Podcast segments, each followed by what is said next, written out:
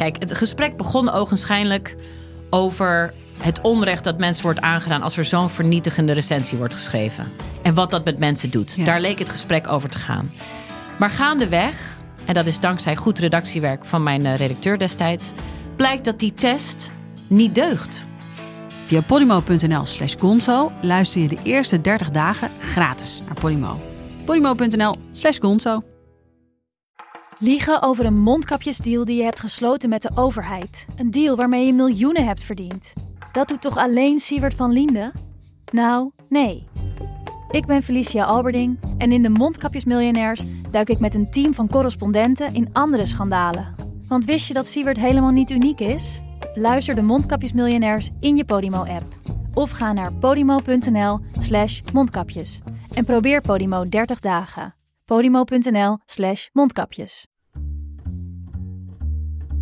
Hallo, dit is de wekelijkse podcast van de Groene Amsterdammer. Ik ben Kees van der Bos.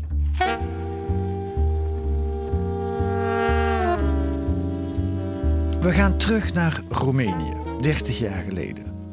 De muur is al lang gevallen in oktober en het ene na het andere Oost-Europese land nam afscheid van het communisme.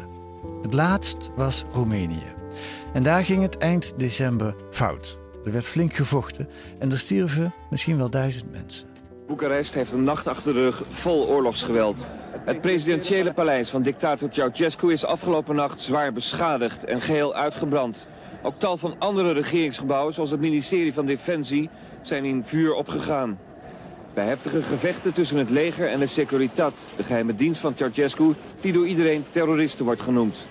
Afgelopen nacht zijn op en rond de luchthaven van Boekarest 40 mensen om het leven gekomen. Ook in het centrum van Boekarest is afgelopen nacht zwaar gevochten. Een appartement van de familie Ceausescu, vlakbij de tv-studio, raakte in brand. Rond het studiocomplex van de Roemeense tv is vanaf gisteravond tot vanmorgen vroeg een hevige strijd gevoerd. De in totaal 10 ziekenhuizen zijn overvol. De slachtoffers zijn bijna uitsluitend jongeren. Vanochtend waren we in het Urgenta-hospitaal. Artsen vertelden ons dat sinds vrijdag in dit ziekenhuis 500 gewonden zijn binnengebracht. Na de gevechten van afgelopen nacht zijn in, in totaal 90 doden geteld in het mortuarium. De lijken liggen overal in de kleine ruimte. Vanochtend waren in het centrum nog steeds sluipschutters actief. Vanaf daken schieten ze gericht op burgers om de bevolking zo te intimideren. Ook in de wijk rond de Amerikaanse ambassade waren sluipschutters te horen. Een fragment van het NOS-journaal op kerstavond in 1989. Mira Fetico, welkom in de podcast. Dankjewel. Dankjewel voor de uitnodiging. Waar was jij toen, die avond? Ik zat eh, bij mijn ouders thuis. Ik was op bezoek bij hen. Eh, op mijn dertiende werd ik naar een internaat gestuurd. Mhm. En met vakantie, kerstvakantie, ging ik naar mijn ouders. Je- was je, hoe oud was je? Ik was bijna 16, 16 ja, 16. 16 geworden. Ja. En, en, en, en was jouw leven getekend door de Ceausescu-dictatuur? Kan je dat zo Wiens leven niet. Ik denk dat zelfs de insecten getekend werden door het leven onder het systeem van Ceausescu. Beschrijf eens wat het voor jou betekende. Ik ben opgegroeid eh, in de rijen voor brood, olie, suiker of ja, maakt niet uit wat. Belangrijk was dat we iets eh, zouden krijgen. Het was op de bon, hè? Het was op de bon. Ja. Ja. Wat Ja. ik net genoemd heb, ja, was alles op de bon. Suiker, olie, brood. Brood elke, elke dag ehm, stond ik in de rij voor brood. Vlees af en toe. En als eh, de verkoper het idee had dat je op de vrouw achter je leek, dan mocht er maar, dus mijn moeder, dan mocht er maar één vlees Ja. krijgen. Ja. En dan werd ik weggestuurd na uren in de rij staan. Dus ik had nog steeds het, ja, het idee dat ik op mijn moeder lijk. dat, dat werkte tegen ons Ah. toen, ja. Ja. En, en ehm, wat betekende dat dan dat Ceausescu eh, eh, verdreven werd? Dat, dat zijn regime begon te wankelen? Was jij als 16-jarige in dat dorpje buiten? Het was vooral een gebeurtenis in Timișoara en in Boekarest, in grote steden. ja. Jij woonde in een klein dorpje. Niet Hoe- meer. Ik woonde al drie jaar in een internaat in een stad. Tussen mijn dorp en Boekarest. Ah. Ja. Kun je nog, weet je nog wat het voor jou betekende? Hoe voelde Ja. dat? Natuurlijk. Als kind al had ik het gevoel, zo'n vreemd gevoel, dat ik een ander leven zal krijgen dan mijn ouders. Misschien heeft elk kind dat gevoel. Misschien denkt elk kind, mijn leven zal beter zijn. Maar ik herinner me het gevoel dat ik had. Uh, ik zal een uh, ander leven hebben. Bij, voor mij zal het makkelijker zijn. Ik ga niet uh, doen wat mijn vader heeft gedaan. we zullen vrijer zijn. Dus ik, en ik denk dat ik niet de enige was die rondliep met zulke gevoelens. Zat je niet opgesloten in het systeem? Dat je dacht, dit gaat nooit, dit gaat nooit voorbij? Juist omdat het zo gesloten zat, dat ik zo gesloten zat, dat wij zo gesloten zaten, uh, kreeg je zo'n gevoel. Het was een manier van dromen, maar ook een bijzondere manier van um, willen en jezelf beter wensen. Hm. Dus het is geen paradox dat ik zulke gevoelens had. Juist daarom droomde ik dat mijn, beter, mijn leven beter zal zijn. En toen gebeurde het. En toen gebeurde het, ja. Um, ja, ik, ik kan zeggen onverwacht, maar ook niet onverwacht. Omdat uh, wij dat droomden allemaal, zelf in mijn dorp. Ik herinner me mijn vader elke dag boos, elke dag aan het uitschelden. Elke dag, uh, ja, uitschelden op de klotzak. En de klotzak was Ceausescu, dat wisten we allemaal. En we leefden in de angst dat iemand mijn vader had verklikken. Niet alleen mijn vader, iedereen. Iedereen um, wist dat je buiten het huis uh, niets mag zeggen. En iedereen zei iets. Of we hadden moppen over Ceausescu. Ja. We, hadden een, we hebben een, een dubbele man, of een bijzondere manier van praten ontwikkeld. Een, uh, een uh, taal uh, met een dubbele betekenis eigenlijk. Een, um, ja, een Aesopus eigenlijk taal. En wat is? Een Aesopus van de um, fabelmakers. Oké. Okay. Maker, eh? Aesopus. Ja. ja. Ik weet niet, in, in nee, het Nederlands, ja, enfin, ja. Uh, is niet belangrijk. Um, so, dus el, elke zin die je zei was een soort fabel. Je, ja. je zei iets, maar je bedoelde uh, iets anders. Ja, ja, want één op de drie mensen is uit recent onderzoek gebleken, was in die tijd informant hè, van de securiteit. Precies. het is voor mij ongelooflijk om dat te lezen. Ik heb dat ook gelezen. Ik heb ook daarover geschreven. Eén op de drie mensen, hoe kan dat? Dat betekent dat je een verklikker was. Dat betekent dat je tante, dat betekent dat je oma. Uh, ja, ik, ik denk niet dat dat in de dorpen gebeurde. Ik denk dat dat in de grote steden gebeurde. Dat dat uh, ja, bij mij in het dorp, ja, ik kan niet zeggen dat we allemaal met elkaar leefden, maar toch, we leefden in de angst. Dat, dat was duidelijk. Maar ik kan me, steeds, nog steeds me niet voorstellen dat de buurvrouw een verklikker was. Hoewel je dat, uh, ja, na de revolutie hoorde je dat of las je dat in de kranten. Of ja, uh, verschrikkelijk. En, en dat mensen die je normaal uh, vond, mensen zoals jij, verklikkers waren. Bijzondere schrijvers die je bewonderde eigenlijk. Mm. Bijzondere intellectuelen in Roemenië.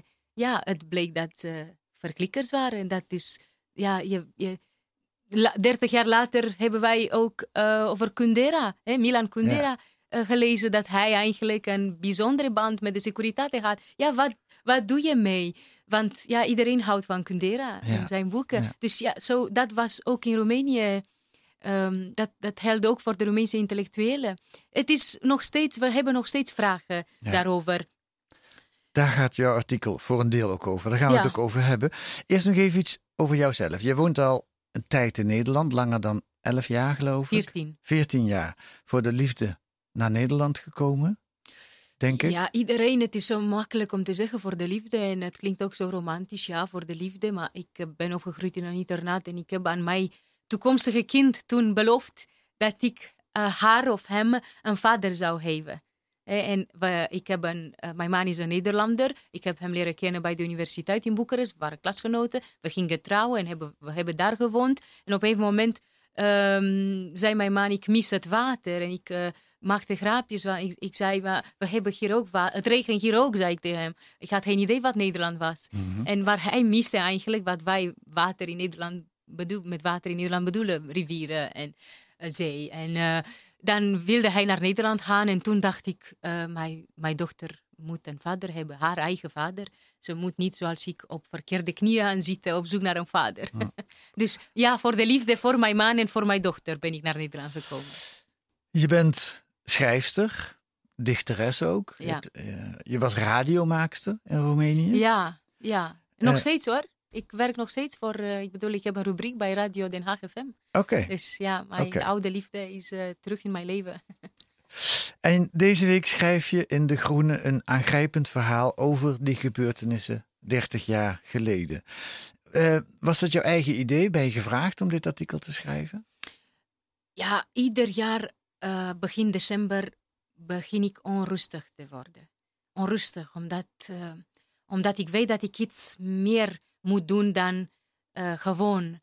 ik weet dat de gebeurtenissen terugkomen hm. op een of andere manier. Je leest daarover, je kent mensen die dat hebben meegemaakt, slachtoffers van de revolutie. En ik wilde gewoon meer daarover schrijven, meer dan dat ik wilde een stem geven aan degenen die nooit een stem hebben gehad in Roemenië. Aan degenen die echt slachtoffers van de revolutie zijn.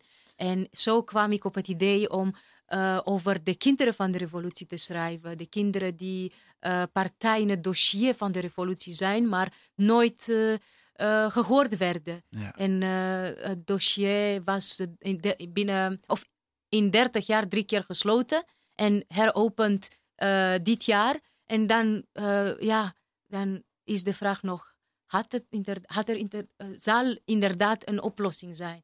Zullen we gewoon uh, gerechtigheid of zij gerechtigheid ja, krijgen? Want je begint daar al meteen over, dat is je invalshoek. Hè? De slachtoffers van de revolutie. Ja, ja. De, de mensen die toen gedood zijn, gewond zijn, ja. wiens vader of wiens moeder gemarteld, gemarteld Toen zijn. ouders werden gedood, doodgeschoten.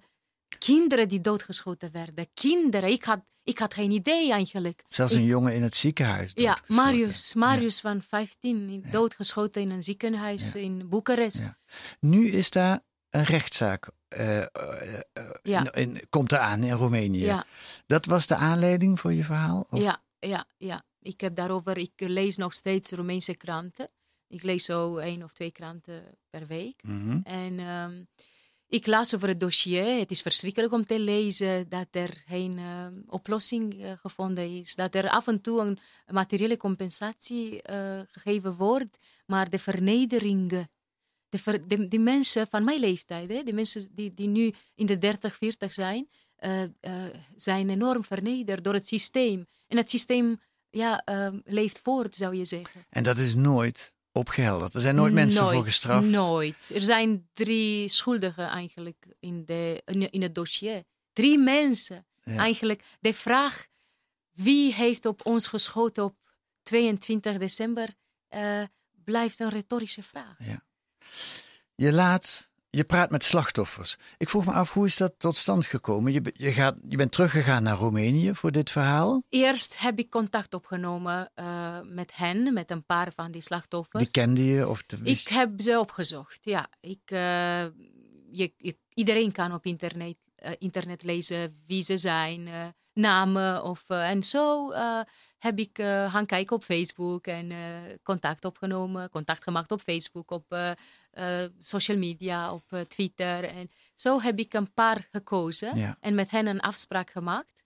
En ik ben naar Boekarest gegaan. Ja. Op het moment dat ik al wist waar ik ze zal ontmoeten, wie. En ja. een beetje, ik kende ook hun verhalen een beetje. Een, een, een klein beetje. Ik werd verrast. En verrast is een eufemisme door hun verhalen. Ja, misschien wel overweldigd door hoe je erover ja. schrijft. Ja, het was heel zwaar eigenlijk om hun verhalen te horen. Je zit dan in het kantoor van de advocaat. Ja. In, in, een, in, een, in een souterrain ja, in van dat kelder. kantoor. Ja. En dat is de, de, je beschrijft het heel mooi. Dat is een beetje typisch. Dat is één stoel waar dan omst de beurt jouw mensen die Ja. je gaat interviewen. Laten we er eens één kennis maken.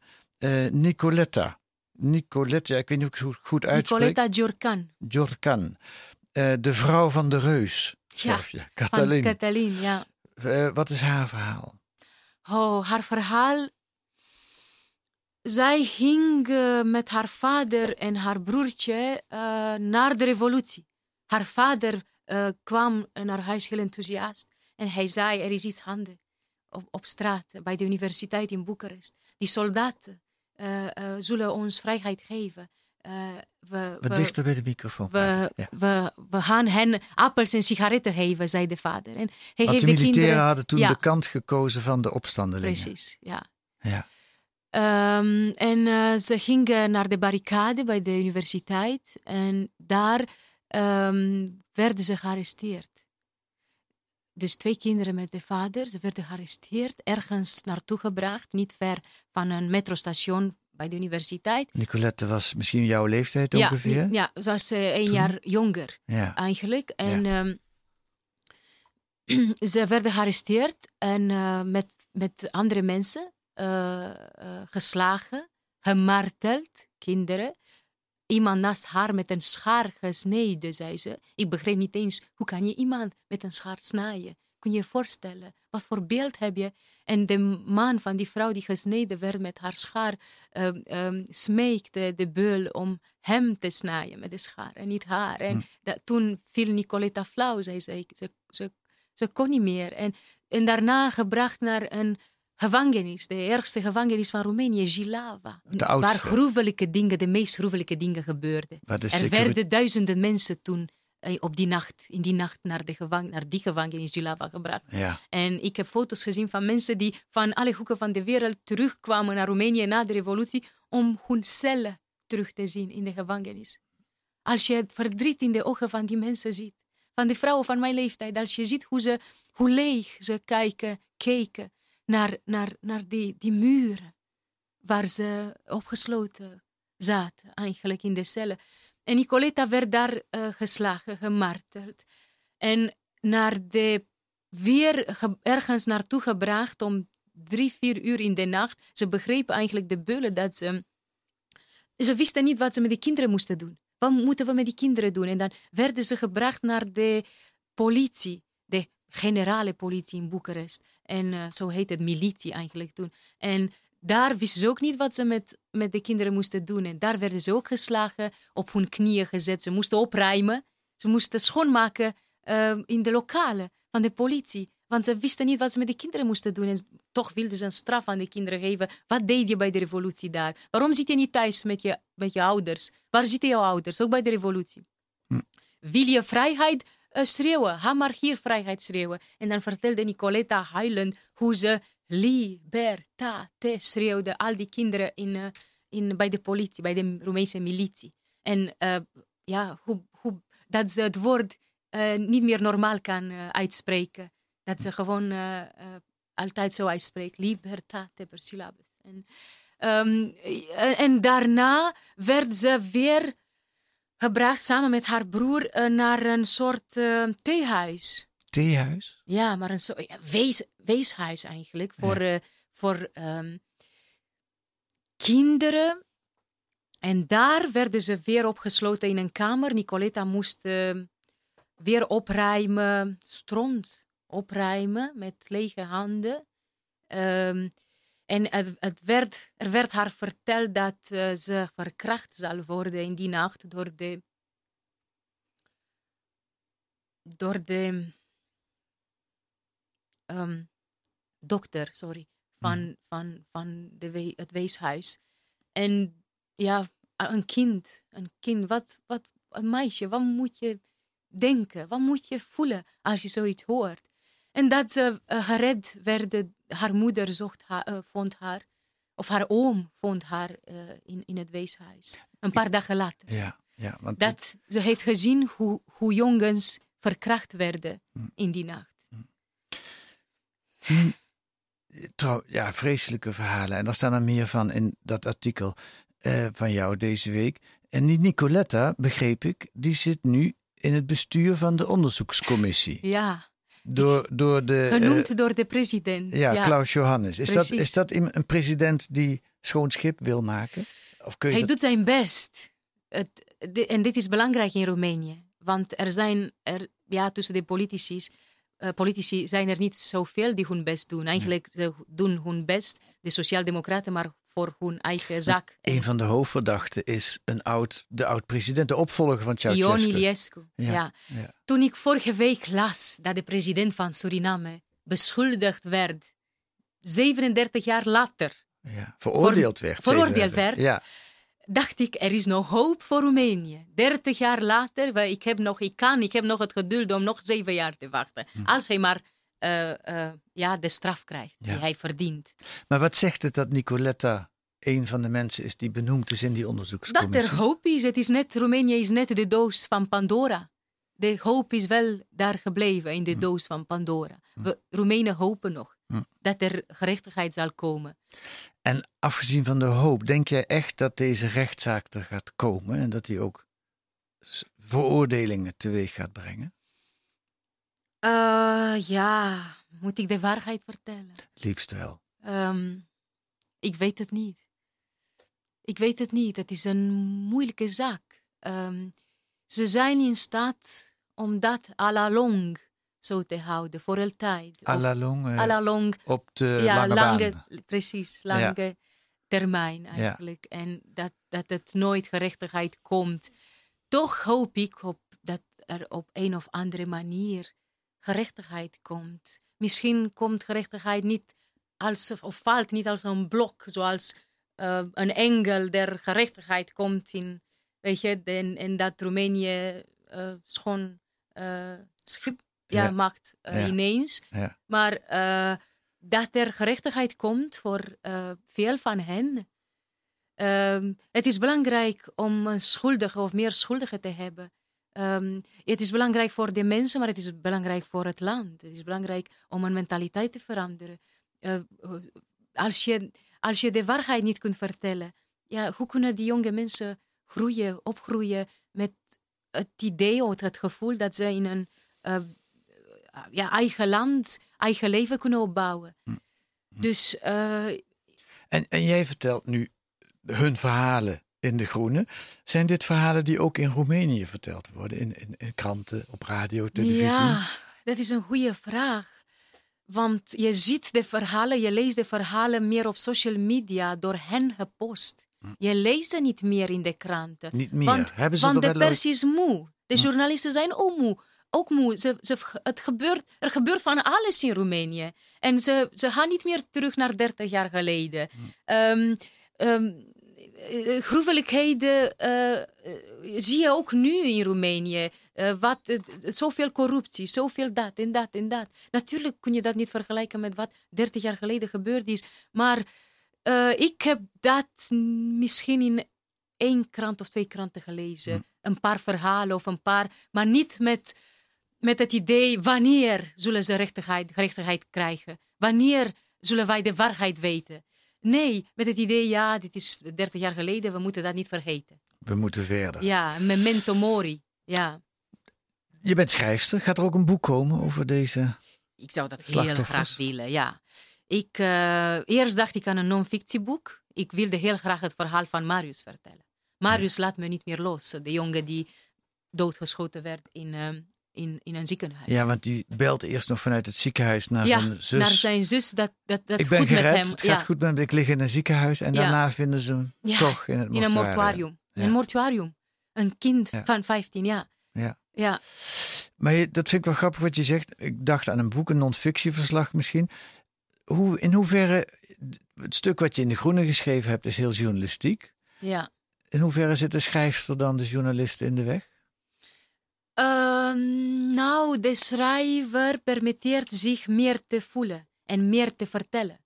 De journalist moest het verhaal vertellen en ik heb met hen, we hebben in elkaars armen gehuild en we, hebben, we moesten vaak stoppen om, om, omdat geen van ons verder kon. En, maar de schrijver heeft dat eh, ingeprent in zijn DNA nu. De schrijver heeft dat in al mijn cellen, zit nu het verhaal van Marius. Dus de schrijver kan veel meer eh, vertellen. Ik had het gevoel nadat ik het verhaal van Marius hoorde, dat Marius in de kamer, in de hotelkamer met mij zat. S'nachts heb ik scotch gedronken, wat ik nooit gedronken heb eigenlijk. Ik, eh, omdat ik niet meer bewust wilde zijn van dat rare gevoel dat, dat er nog iemand in de kamer zit, omdat ik bang werd. Ik, ik, het verhaal maakte me bang, het verhaal maakte me kapot, het verhaal liet me niet meer los. Ik wilde niet meer weten wie ik was. Ik was een van de Roemenen die het verhaal van Marius ehm, voor altijd eh, onthouden heeft. En, ehm, de schrijver kan heel veel vertellen. Het verschil is ook tussen een schrijver en een journalist. Dat een journalist de verhalen ook moet checken. Zijn deze verhalen te checken? Ik ben zo'n schrijver die altijd de waarheid vertelt.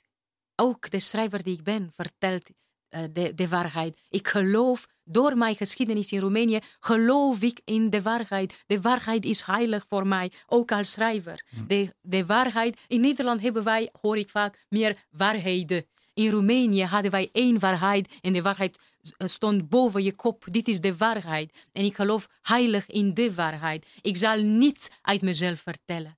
Maar ik zal gewoon, de, de, de werkelijkheid is veel groter dan al mijn fantasie eigenlijk. Ik, ik heb niets van mijn fantasie nodig. Ik heb alleen de waarheid nodig. En de waarheid is gruwelijk. En weet je zeker dat die verschrikkelijke verhalen die die mensen jou vertellen de waarheid is? Dat dat ook echt zo gegaan is als Ja. zij het vertellen? Ja, ik weet dat zeker. Ik heb die mensen gezien, gehoord. Ik heb hun verhalen gelezen. Ik heb het dossier gezien, hun dossier gezien. Ik, ehm, pijn kun je faken, maar niet in zulke mate.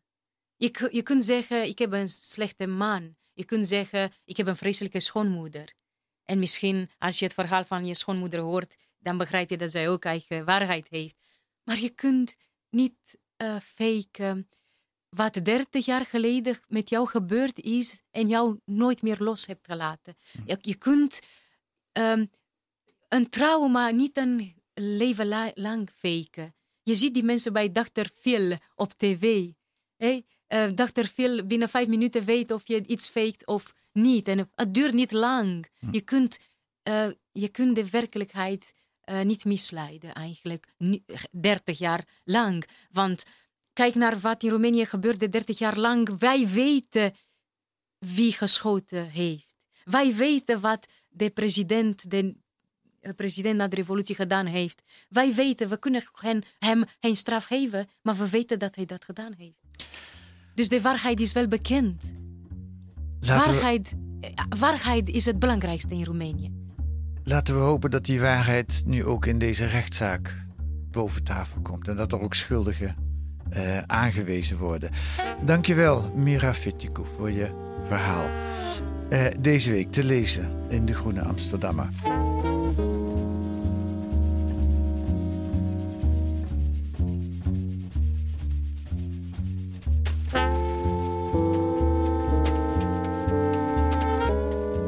Lees deze week in De Groene ook een onderzoek naar CO2-compensatie. Dat is weer iets heel anders. Dat is moeilijker dan gedacht. Het Shellbos in Indonesië, dat klimaatneutraal autorijden mogelijk moet maken. Ja, we hebben zo onze eigen problemen hier in Nederland. Blijkt in brand te staan. En een onderzoek naar de stikstofuitstoot van, nee, niet van, maar door boeren. Die is vaak veel hoger dan in de vergunning staat aangegeven. Allemaal te lezen in De Groene. Dat kan met een abonnement, dat kan een losse verkoop en dat kan met een proefabonnement. Ga dan naar groene.nl. En volgende week zijn wij er weer met analyses en achtergronden bij het nieuws in deze podcast van de Groene Amsterdammer. Vergeet niet om ons sterren te geven in de podcast-app. Dat helpt ons aan luisteraars. Deze week werd de Groene Podcast gemaakt door Marike Rotman, Demi Baumheur en Kees van der Bos. En de muziek is A Tune for N van Paul van Kemenade.